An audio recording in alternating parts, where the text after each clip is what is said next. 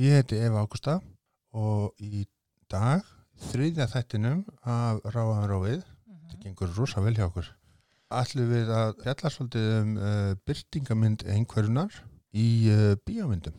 Já, rosalega áhugavert og þart umræðefni og bara byrtingamyndin almennt, hvort hún er okkar fórsendum eða fórsendum annara Mitt. og kveikmyndir og, og fjölmiðlar og alls konar miðlar eru náttúrulega svo sterkir í að setja fram ímynd og við höfum verið að glíma við það eiginlega bara alltaf að það er svona klísjur og umræðinni stýrt af óeinhverfu fólki. Já, og svo, meiri segja einstaklingar sem að sennilega eru einhverfir, personur eða þess að já, sem hafa verið fjallað um í bíómyndum eru síðan ekki sínd sem einhverf. Þannig að uh, það er ekki bara það að við erum sínd í ljósi sem ekki passar, heldur líka jætnuvel ekki eins og sínd. En svona í taktu annan fjölbreytileika bara í, í mannlífinu sem er alltaf að verða skýrar og skýrari og minna tabu að þá byrtast líka karaktera hér og þar í sögum sem að maður getur sagt sér og gefið sér að séu einhverfur en er ekkit endilega orðað. Þannig að það er svona ágetið samkvæmilsleikur að reyna að koma auga á hvað er á bakvið í sögunum. Þetta segja mér við getum ekki að drikkjuleik. Það gæti verið. það væri alveg hægt sko. Já, það væri svolítið fyndið. En já, við höldum áfram að fá góð viðbröð. Við, hérna, það hlæðst upp hlustun hjá okkur og fólk sendir manni skilabóð og nikkar til manns á göngunum um að við sem að gera góða hluti og bara kæra þakki fyrir það. Já, takk fyrir. Það er gott að vita af því að, að góð hugmynd er ekki bara okkar góð hugmynd, heldur líka meðal ykkara. Já, það er glæslegt og ítryggum enn og aftur að, að þátturinn ráfaðum rófið, hann fjalla bara um einhverfu frá öllum mögulegum hliðum og frá sjónráðni einhverfa. Þannig að við tökum gladar á móti gestum sem að tengja við einhverju rófið, eru einhverfir og eru tilbúin að ræða eða langar að ræða eitthvað sérstatt í sambandi við þetta umræta einhverfu róf. Nákvæmlega. Og í dag eru komið með góðan gest. Ég ætla bara að lega þér að kynna þig. Þú heitir? Já, góðan daginn. Uh, ég heiti Frida Adriana og ég segja alltaf ég listamaður á lítrófi. Listamaður á litrófi. Það Já. hljómar mjög vel. Voru við gengt um hann að nefna það? Það er ansið mikið af listafólki emitt á rófinu og því fleiri sem að kynnist að þá finnst mér það alltaf að koma skýrar og skýrar í ljós þessi sköpunarþörf og tjáning sem fylgir rófinu. Já, kannski líka því að sumt fólk á einhverfu rofi uh, ég innifalin uh, passar ekki inn í rammaverkið á hefðbundin uh, vinnumarkaði. Já, Og já. þarf að búa til sín eigin uh, vinnumarkað og sín eigin tjáningaform og nú er ég bara að uh, vinna í mínu fyrstu kvikmyndi sjálf. Já, glæsilegt. Frábært. En talað um kvikmyndir og bíómyndir, nei, það er sama. Kveikmyndir og bíómyndir, það er... Eh, ekki akkurat, ólíkt. eins og ég var að tala um uh, bara þegar ég rappaði um þetta við yfir smá. Það eru til uh, talsvert af kvikmyndum sem eru svona TV only Mm. og þá sérstaklega frá Þískalandi, frá mínu upprunalega heimalandi, þar sem ég fann mig aldrei að heiman.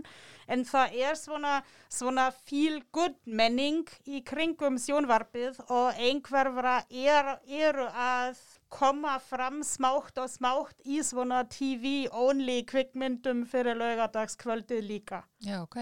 Menn eru þá einhverfir leikarar eða kvikmyndagerðamenn eða, eða fólk sem er að leika einhverfa? Fólk sem er að leika einhverfa. Ég er ekki búinn að greina og mýta hvern og einn sem kemur fram þarna. Nei, nei, nei.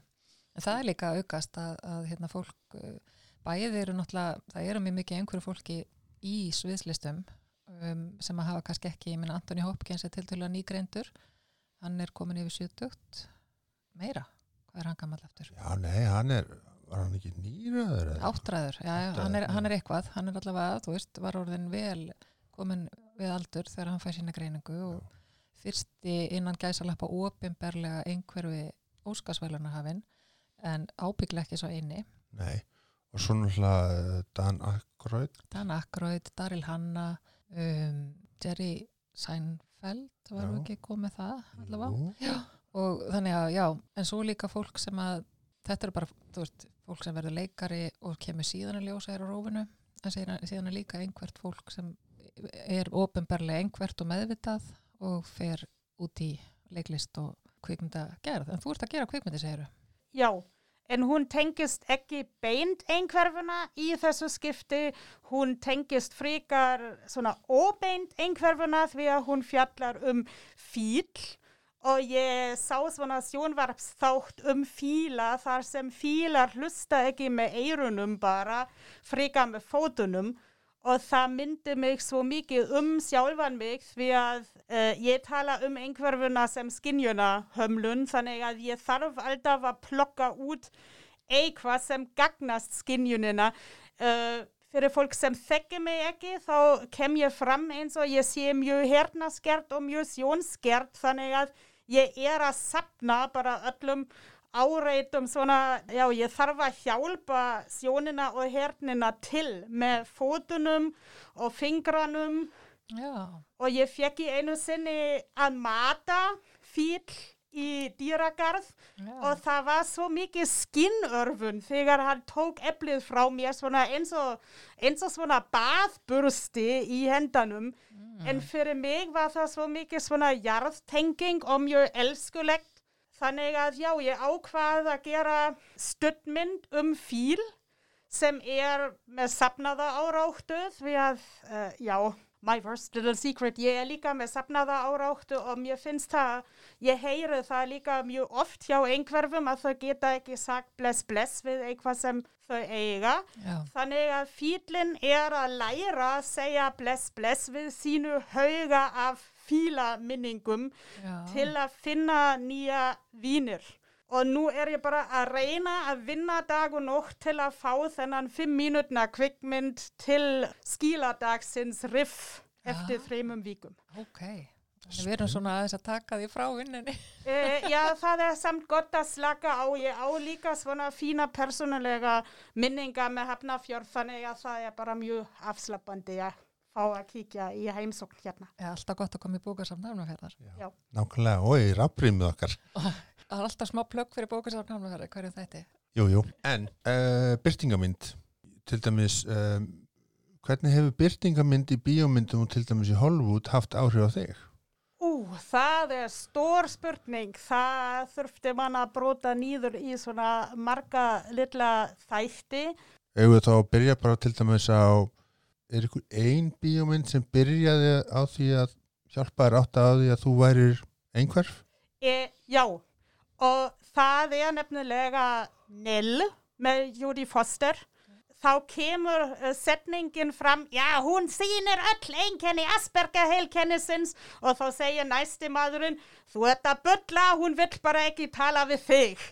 Uh, þannig að þessi kvikmynd setur mikið svona spurningar við greiningum því að það kemur svona smátt og smátt í ljós að hún Nell talar bara eins og hún talar því að hún átti uh, móður sem talaði svona mjög óskýrt Já, og sem uh, var ein í svona kofa í skóginum en samt fyrst hún talar svona sitt eigið tungumál, hún á sín eigin svona lífsrytma þá þegar ég sá þessi kvikmynd svona 1995-6 eitthvað þá sagði ég, ok, það er ég og ég gæti verið á einhverfu rófi ok. og uh, ég á líka mitt eigið tungumál, það væri samt efni í bara eigin þátt okay. eiginlega, en punkturinn núna er að þessi tungumál endurspeglar einhverfa heimskinjun minn. Og hjá Nell endurspeglar tungumáli líka hvernig hún sér heiminn og hvernig hún vil ná í samskipti við fólkið en fólkið skilur það ekki. Og þegar hún kemur í bæinn úr kofanum í fyrsta skipti þá er þessi, þessi sensory overload og eiginlega, ég myndi næstum segja overkill því að hérna myndavélinn sýnir það mjög vel hvernig ljósið endur spekla sig í svona uppþvottalöga flösku og það er þegar svona ha-moment fyrir Nell, bara því að hún þekkir það ekki. Nei, ég, ég held í mun eftir þessari mynd. Hún talar, hún, hún notar eitthvað svona sérstök, það er eins og að séu orðin er ekki alveg orð. Sem er, já, það er eins og sé svona afbökun af einhverju sem hefur verið sagt. Tjæ, gæn, Já, já, Ga-Angel, Guardian Angel já, Já. ég mitt nákvæmlega. Ég með pínu svona orðaminni, sko, þannig að tengi við. Ég man Ég- mjög, mjög eftir þessari mynd. Ég er með myndaminni, þannig að jafnvel áður en ég var svona mikið kvikmynda maður, þá sagði kona sem þekkti mig ekki neitt í háskólanum, þú hugsa svona myndrænt, vilt þú ekki vera leikstjóri? Ok, Og ég var svona, aha, hvað á ég að gera sem leikstjóri? En einhverjum árum síðar, já, það er það, því að ég er svona. hún hefur vitað hvað hún var að segja þessi Mm ok, en Nell er einmitt kannski svona mynd sem að maður veit ekki þú veist, hvað nákvæmlega hérna, það er ekki beint jú, það er náttúrulega sagt þarna segir hún, það er talað um þetta, Já, hún sem það öll er einkenni sagt í einu sinni því að læknirinn þarf að láta heita allt eitthvað, já, bara það svo að það heitir eitthvað og bara svo hann getur gert uh, sína sálfræðilega tilraunir með hana. En uh, ég held svona fyrsta myndin fyrir utan reynmenn það sem einhverfu greiningin kom fram svona, svona Hollywood mynd sem ég sá var eiginlega Snowcake og hún er bara frá 2006 þannig að man er man fór bara að tala miklu setna um einhverfuna og uh, Snowcake skipti mér miklu máli því að þessi, já, þessi Gorny Weaver sem allir þekkja náttúrulega ur Alien og uh, hvað hétt það? Avatar en uh, þar er hún að leika konu á rófinu sem, sem afmarkar engasvæði sitt svo mikið og sem býr líka til sín eigin orð en uh, hún á uppkomin dóttur og það kemur fram í kvikmyndinni að enginn veit hvernig það eiginlega gerðist að hún var ofrisk Já. Sem er líka mjög alvarlegt mál að svona minnsti mín reynsla er að fólk á rófinu fær oft ekki kynfræðslu á sínum fórsendum en uh, það var eiginlega ekki aðalmálið sem ég vildi tala um frekar að þegar ég kynnist nýtt fólk og talið kemur á einhverfuna einhverfu þýmað þá segi ég I'm extremely territorial. Sko hvernig er það þegar maður er extremely territorial spyr fólk þá og ég er svona bara um að horfa á Snowcake ok, ég, Já, þá er þessi kona, svona kannski 45 til 50 ára. Hún þarf að leifa einhvern gest inn til að láta hjálpa sig.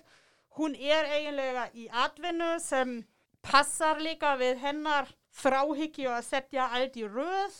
Hún er með, með leikfengum sem, sem blikka og pípa sem finnst henni flott ok en síðan þarf hún að fá gest.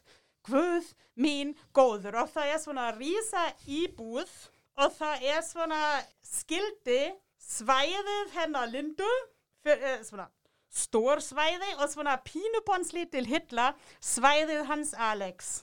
Ok, Og þegar Alex fer inn í svæðina hennar Lindu og, og þá fer hún að kasta dót og öskra og all, allan þennan pakkin þannig að ég er mjög þakklátt fyrir þessi kvikmynd því að það eigur svona bæði skilningin hjá Alex.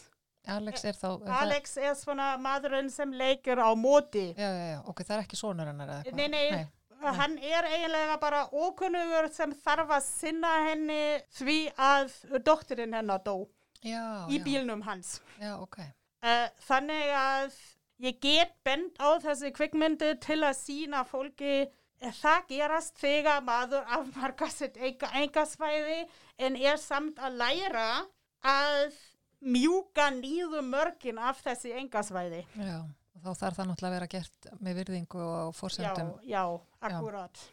aðilans, já ég hef ekki, nú, nú langar mér rosalega að fara að googla sko, ég hef ekki séð þessa mynd hefur þú séð hana Eva? Uh, ég held ég skal fara að bladra um talsvert meira kvikmyndir sem þú hefur aldrei séð. ok, Eh, því að uh, ég á líka góðan vín frá bandaríkjanum sem býr á Íslandi sem er leikstjóri sem segir, já, you just know the wrong movies. ok, ok já, ég, það, þetta kallar á bara Google stund á eftir Já, Já. það verður bara spennandi En segð mér, hvenar fjastu þá greininguna og hvað, hvað er henni langt frá því að þú vissir eða hafðir grunum það að þú værir einhver þanga til að þú fær greiningu eða ertu kannski ekki með greiningu eða hvernig er það? Góð spurning, ég held það var uh, fyrir, það var ekki einn dagur þar sem ég sagði, aha, ég er einhverf. Uh, það var miklu frekar svona samkoma af uh, mörgum litlum hlutum. Uh, svona sem krakki var ég náttúrulega alltaf öðruvísi og fjölskyldan hugsaði að ég nefndi bara ekki að passa inn. Stundum voru þá svona moment þegar ég var unglingur að einhver vildi ná í samskipti við mig á mínum eigin fórsendum svo svona eins og bróðurinn minn sem vakti mig upp klukkan tvö í nóttina og hristi mig og ég var svona að hugsa einhvers ég dáin eða eitthvað og þá sagði hann Freddi, Freddi þá er kvikmynd í sjónvarpi um uh, fólk sem tala sitt eigin tungumál og þá satt ég bara upp og blum blum blum blum í settostofu Okay. og já, þar náði ég í samskipti með fjölskylduna um hérna tungumálið og síðan þegar ég var svona að segja um 20 ára þá var aftur heimildamind í sjónvarpi uh, sem var um Temple Grandin, hérna beljusérfræðingin og þá lísti Temple Grandin mjög ítarlega hvernig uh, kýr verða hrætt þegar til dæmis svona eitthvað glitrar eða eitthvað ligg- liggur í kringum svona að óvart og þá hallaði mamma mín blessaða sig tilbaka og sagði sér þú þá heiminn eins og kú eða eins og hestur? Og ég var svona vá þessi kona vil tala við mig. Ég sé heiminn eins og hest. Þú mátt ekki gera bú á bakvið mig eða, eða annars fæ ég að sparka. Þú fælist bara. Uh, já, svona eins og já, hesturinn á svona sín eigin líkamstjáning og já, hann sparkar í allt sem er aftalega því að hann sér ekki almennilega hvað það er. Ok, en ok, þannig þú hefur, það kemur nú skín svolítið í gegn að þú hefur svona séð sjálfa þig svolítið í gegnum kveikmyndir. Já, og í gegnum dýrin. Spegla, já, gegnum dýr, speglað sjálfa þig þar. Uh, já, þannig að í næsta, uh, næst þegar við hittumst tölum við bara um lunda því að lundin er líka svona very territorial. Fyrir inn í hóli. Uh, líka það, en hann er samt ferðalangur og hann gerir þegar hann, honum finnst hann, einhversi að hóta hann, jafnveg svona miklu stærri máva, þá, þá gerir hann og ég gerir það líka. Ok, mennar æla eða? Uh, nei, svona Svona hljóð, hljóð, svona hljóð hljóð, eins og já, hann já, væri já. að æla. Ok, ok. Og hann fer líka að dansa þegar hann er stressaður. Heyrðu, Mjög vá. mikið fríða. Já, ok, ég bara mjög spennt að sjá myndin um fílinn. Uh, já, ég vildi einu sinni líka búa til uh, mynd um lunda. Ég, ég en ætla að segja að það var eiginlega að vera næst, næsta mynd, að Já, lundin, hérna, territorial lundin að dansa, ég bara sé það alveg fyrir mér. Ég er bara mjög spennt fyrir þessu. Já. Skilega. En, en hérna, þú segir og hafi talað þetta í tungumál. Já, það er samt, ég held það væri efni í sitt eigið, Heilum Það- þátt. uh, já. Já, Ertu til í að segja bara eina setningu? Um, Ikera Ima og Niliman, uh, þetta er fíl, uh, Suri Iliman og Kajiram. Uh, fílin er grár. Frábært. og þetta er þitt eigimál. Já. Ok, vá. Hljómaði bara virkilega vel. Mér langar bara að læra tungumálið. Já, Við tölum um það á eftir. já, já, já, já. Já. Frábært. En þú hefur nú greinilega, sko, hvað ertu búin að vera lengi á Íslandi? Uh, ég held það verða 12 ár núna. En íslenska þinn er mjög góð. Uh, Kanski hjálpaði sér tungumáli líka með þetta því að það hjálpaði að uh, tengja hérna En talar um mörg önnu tungumál? Uh, ég held, ég segja alltaf fimm og tveir sem eru bara hálfar. Já, já, fimm og svo Tveir hálfar. alls sex þá. Uh, já, bara það eru tveir mjög óháða tungumál sem eru Já, já, hálfar. já, ok, ok. En Og- hvað segir það? er íslenska, það er þýska, Uh, það er íslenska, enska? þíska, sænska, franska, vorum við komin með, ok, bitur. Þíska er náttúrulega móðumálið, enska var fyrsta tungumálið í skólanum og síðan kom uh, uh, franska, sænska og íslenska. Og hálfa tungumálið eru finska og spænska. Finnska og spænska, þau eru mjög óskild. Ja. Já, Virkilega. mjög. Það væri meira svona ef þú væri með finnsk og basknesku, þá væri við að tala um eitthvað svona. Uh, ekki að grínast, ég reyndi að læra uh, basnesku í það sjóari begira en það uh, aðilinn sem gæt kent mér það flytti frá Íslandi Ok, sko ég tala íslensku og svo bjó ég í Svíþjóð, þannig ég tala sænsku. Svo lærði ég náttúrulega ensku í skólanum. Svo er ég alltalandi á spænsku og hálfu málin mín eru sennilega franska, þíska og kannski ítalska. Við getum unnið í það, ég þurfti líka að læra latnesku í skólanum en Já. enginn tala það þannig Nei. að svona fjölskyldan minn er mjög flink að gera eins og þau gæti talað í dölsku þannig að við getum unnið í það. Geggjað. Þetta er bara, ef að, ef að skipta um mál núna? Já, uppáhaldsmyndin minn frá Ítalju er kallað I can quit whatever, whenever I want. Ok, En það á ekki við um kvikmynda á stríðina og tungumálin. nei, við, þetta er nú hljóman hann og svolítið eins og hjá alkoholistunum með okkur og sér áhugamálin að við getum hætt þegar við viljum, við getum það bara Eh, ekki. já, ekki Nei. hlæja kvikmyndin, ítalska kvikmyndin fína er um dóp. Nú, ok, það eru ok, svona atvinnulösa uh, kennarar í kreppu sem eru að búa til dóp. Bara það líst ekki öllum á. Nei, einmitt. Nei. Þetta hljóma svolítið eins og Breaking Bad þegar Já. atvinnuleysi kennarinn fór að sjóða.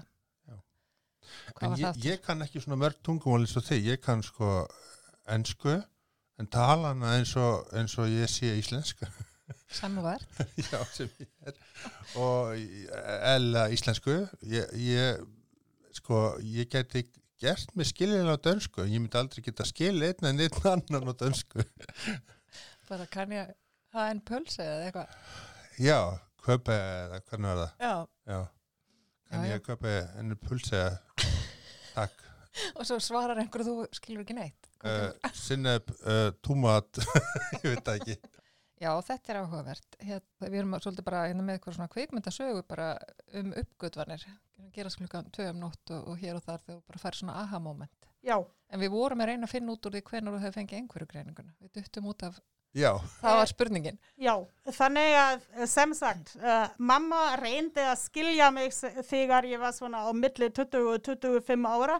Bara ég er með svona, svona tics að hoppa og að klikka og að syngja og að kvisla og að flauta. Mm. og dag einn var það of mikið fyrir fjölskylduna og þá skrifaði ég nafnlösa tölvupost til svona ein, einhverja einhverfu ráðgjafa mistuð í Þískalandi uh, svona hjálpiði mér ég er að gera eitthvað það sem fjölskyldan spyr gerðu þetta meðvituð eða veist þú eiginlega hvað þú ert að gera okkur Já. og nei, ég er svona 20% meðvitað um þetta, ég kann ekki að stoppa þetta og einhverfan væri svona eina logiska skýringin fyrir þetta. Já. Hvað get ég gert? Get ég hitt ykkur einhvern veginn eða eitthvað? Ég, ég, ég get nú náttúrulega ekki tekið eina skriljón pillur, ég get ekki farið til læknis bara svona komið með eina skriljón nýjum sjúkdómum því að ég fekk uh, tilbúð að fara í doktorsnám á Íslandi. Ég get ekki hlaða svo marga sjúkdómar á mig núna, hjálpiði mér bara. Já.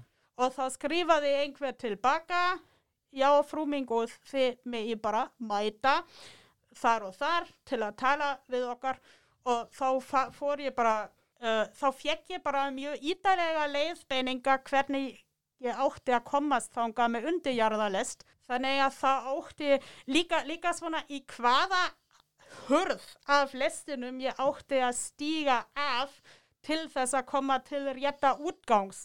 Þannig að það var svona aha moment, ok, loksins veit einhver hvernig ég fungerar. Þú finnst bara mjög ítarlega leiðbenningar. E, já, Nákvæmlega, já. já. því að hver sem samti þessi leiðbeininga áttaði sig á að einhvert fólk ratar ekki lausinlega þar sem það þekkir ekki. Og svo fór ég inn í þessi setri og ég sagði, ok, það eru svo marga fína myndir og þá kom strax einhverja, tröfla þig þessi myndir. Já. Við getum tekið þeim nýður og það var svona í fyrstu skipti í mitt líf, alla 27 ár, að ég heyrði tröfla þig eitthvað, við getum fjárlegt þetta. Já, ekki bara þú væri rosalega erfið að, og þú yrði að hætta tröfla annað fólk. Eh, já, akkurat. Og síðan uh, var það svona smá, þegar ég var búin að tala við þessi konu, þá sagði hún, já, ég sé svona, ég mist einhverft hjá þér, en það er líka sumt sem passar ekki inn í heildamyndina, því að þú elskar að ferðast og svona bara árum saman setna áttaði ég mig á því að ferðalögin minn eru svo mikið svona bundin við hefð þannig að maður fer á flugvöll, maður fer í hjólastólinn, því að ég er líka svona að vissuleiti lumuð í löpunum. uh, síðan kemur þetta með öryggisleitin og síðan kemur hitt og þitt. Þannig að það er alltaf sama munstur. Já, ég hef eitthvað heyrt að einhverju fólki þykki oft bara skemmtilegastu ferðalögin þarf að vera á flugullinu. Uh, gæti verið. Að bara fara í þetta, þessa rútínu einmitt, en svo á móti kemur að, að, að margir þurfa líka að fá svona forgangspassa þegar er erfitt með að býða í röðum og erfitt með að vera í háaðunum og svona. Já, ó, já, En- en- þess vegna er ég alltaf með hettu. Alltaf með hettu á höfðinu, já. Já.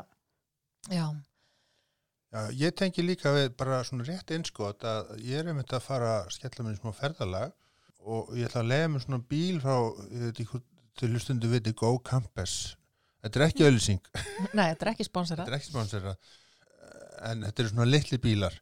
Og, og, hérna, og ég er að fara í ævintýri og sumir segja, já, er það eitthvað sem að einhverju hrefnir á? Já, ef það er örugt. Já, það er á þínum fórsendum. Það er Þú, þú mínum ræður, ræður för. og Ég ræði för og ég ræði hver ég stoppa og hver ég get kvílt mig, þannig að ég finn öryggi mitt. Já, og ég heyrir einni þetta hjá þér að þú veist, þú getur ferðast ef þú finnur fyrir öryggi Uh, já, eða ef ég get gert það á mínum eigin fórsendum. Uh, þess vegna fannst mér eiginlega Rain Man sem er ekki vinsæl því að hann ítur undir staðalímyndir. Uh, mér fannst hann samt ekki allslæm því að það er svona ferðakvikmynd og á ferðinni þurfa uh, Raymond og Charlie bara vinna með það sem er til staðar, finna sér einhvern plan B og bara læra samskipti á uh, svona ekki bara á forsendum hans Rainman frekar svona að finna einhvern miðjuveg já, og þess vegna fyrir mig varð Rainman að svona tákmynd fyrir lífsferillin. já. Þetta er náttúrulega lærdómsferð. Þetta er svona Já, á því leiti, en, en það er alveg rétt sem hún segir, sko, að reynmenn er svona mynd sem flesti nefna sem slæmt dæmi þar sem að og, og fyr, hún fellur kannski svona undir það eru nokkra, ný, ein ný líka sem heitir Music, sem er alveg gríðalega óvinnsæl eftir hana tónlistakonuna Sía, eða Síu sem að þá er einhver einstaklingur svona vandamál og svona verkefni sem einhver þarf að annast og, og í báðum tilfellum þá deyr umönnunar og eitthvað sískinni þarf að taka við og, og þá er, er einhver við einstaklingurinn sko, hann er meira svona líka við og props, hann er svona hlutur sem að þarf að að finna út úr hvernig á að meðhandla Eh, það er akkurat punkturinn því að það er, ég gerði einu sinni YouTube myndband um þetta það tröfla mig að ef maður síni bara uh, einhver var með sérhæfileika í sjónvarpi þá trúi nefnilega venjulega fólkið sem vil bara svona fílgútt kvikmynd að allir einhver var síðu með sérhæfileika og bara ég er ekki að grínast ég fekk í einu sinni tölvupost með 100 blaðsíðu handrið til að prófarka að lesa. 20 mínútum setna kemur spurningin, ertu búin að lesa yfir? Uh, já, ég segi kannski í vínarhengnum að ég kann að skannlesa en ég kann ekki að skannlesa svona hratt. Uh, og það finnst mér eiginlega sorglegt að ef aðila sem ég þekki ekki neitt vilja svona galdri frá mér. já, við haldið að værim bara með svona ykkur tölvusjón þá getur bara, getur bara einhvern veginn rent yfir þetta og séð allt strax. E, já, það er svolítið svona klísja varðandi að því þú nefndi nú í upphafi varðandi vinnumarkaðin já, að oft þegar við erum að tala um að finna störf fyrir einhverfa þá er, þá er tala strax um svona hugbúnaðar og svona bug fixing í tölvum og öruglega eru margir, þú veist, við erum mörg okkar með svona munstur hugsun og, og sjáum svona ójöfnuna þú veist, þú getur fundið svona villur og svona en þú getur ekki bara reikna með því sagt bara þetta er eini hæfileikin sem einhverjir hafa og allir eiga að vinna bara við að finna villur í forritum í tölvum. Akkurat og þess vegna finnst mér það líka uh, mikilvægt að sína meira kvikmyndir það sem uh, einhverfi maðurinn á kannski ekki sérstaka uh, svona tölvuhæfileikar frekar eitthvað eitthvað annað. Já. Svona How the Titanic Became My Lifeboat uh, finnst mér til dæmis bara mjög flott íslensk framlag sem að já Já, því að það var svona uh, samfélagsverkefni þannig að hann Brynja Karl byrjaði með skipið og þá uh, kom bara annað fólk með honum í leiðinni. Já, á hans fórsendum Akkurat. að vinna að hans áhugamáli og koma inn með sína hæ, hæfileika og þekkingu til þess að vinna þessu sama markmiði. Og líka að svona, ok, ég á góða vinkonu í Ástralju sem vil alltaf ráðleggja mér með vinnumarkaðinn og hún uh, sendi mér alltaf hlekk á Employable Me Australia Já. sem er náttúrulega svona, svona uh, reality TV. Uh, en það munar náttúrulega líka mikið hvernig það er gert og þá var maður með einhvern ex-föllun sem sagði ef þú sem fallaður einstaklingur vilt vinna á vinnumarkaði þá þarfst að finna þér fólk sem á sama ástriðin og þú. Þannig að, halló Bíóparadís, halló Sagafilm, ek, það er ekki, ekki auglýsing, en halló, ég er hérna. Já, þetta Já. er þín ástriða. Emitt. En aftur að greiningasögunni okkar. Já, loksins. Já. E, já, uh, þannig að uh, ég fór til Íslands 27 ára, þá átti ég náttúrulega ekki eins mikið tengingu með þessum þýskum greiningaaðilum meira, en ég átti, ég, ég bjargaði hérna veski aðilans sem var tengt einhverfu samtökunum og þessi aðili þakkaði mér kælega fyrir og sagði þá væri svona umræðu hópur fyrir fullorna á rófinu í einhverfa samtökunum og svona hitti ég greiningaaðilana og síðan uh, fekk ég svona tauga nýðubrott sem við þurfum kannski ekki að fara í smá atriði. En samt uh, þá þurfti geðlæknirinn loksins að skrifa upp hvað var að og þá var ég svona kannski svona 30 ára eit- eitthvað pluss og mínus og já, þá stóð og dæmi gerð einhverfa og ég var svona, nú, e, nú hefur krakkin loksins eitthvað nafn. Ok. Nú getum við loksins beðið um hjálp. Og, og upplýður greininguna sem jákvætt, hérna, jákvætt skref. Uh, já, en líka því að ég, ég bað sjálf um þetta og ég, uh, ég get uh, farið með einhverfuna á mínum fórsendum. Uh, ég menna, ég er ekki hress með þessu greiningastimpli sem ég fekk sem barn sem he heitir heila lumun. Nei, bara því að þá voru tekin alla ákvaðarnir fyrir mig og ég, ég eiti eiginlega 20 ár lífsins minns í sjúkraþjálfun já. og fólk sem snerti mig án þess að ég bað um það og bæ. Ég, ég, ætla, ég þarf bara játa eitt, ég er sjúkraþjálfari. E, já, við tölum um Viltu þetta að ég fari fram núna?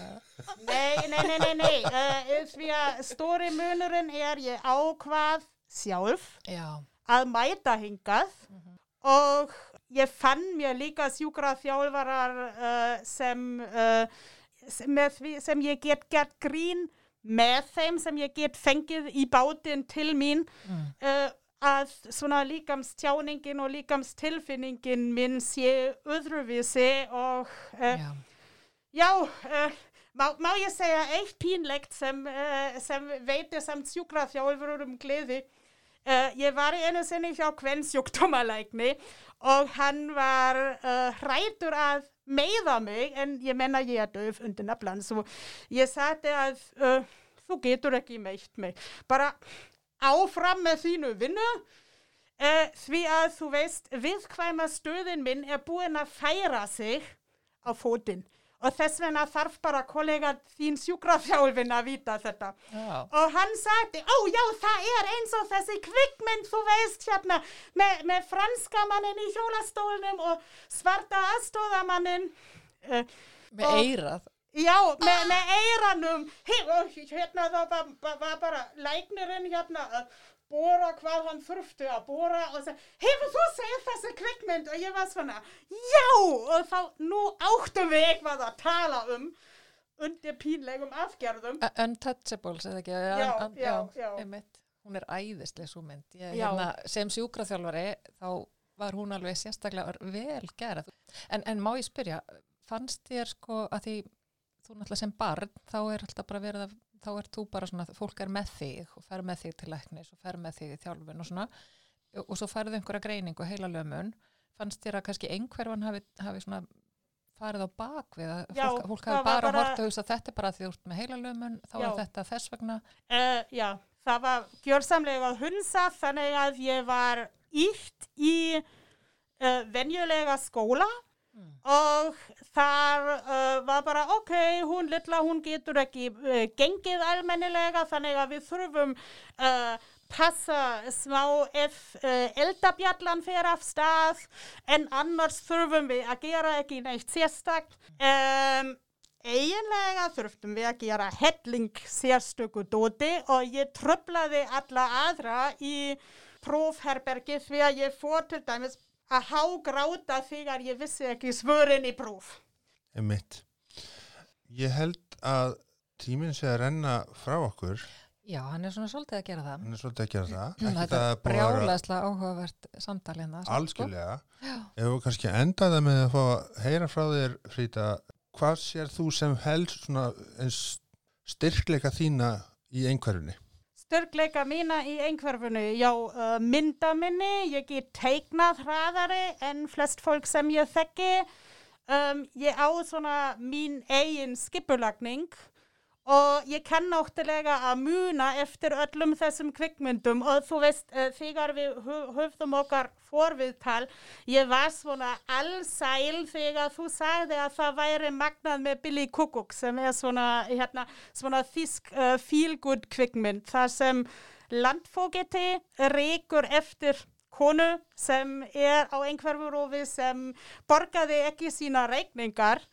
Og það kemur síðan í ljós en meira en landfókitin fylgir með og tala við þessi konu og hún er svona fyrsti aðilinn sem er til að tala í raun við þessi konu, ekki um þessi konu að hún sagnast bara svona, svona brú á milli hugsun og framkvæmt Já, talað sem um er svona mín stærsta galli Svona ég- executive functioning. Já, að- I don't have executive, Já. Ég, ég, ég er ekki með það og þess vegna verður lífið mitt stundum mjög erfitt og ég þarf mikið af fólki eins og frú landfókið í Billy Kukkuk í kringum mig já.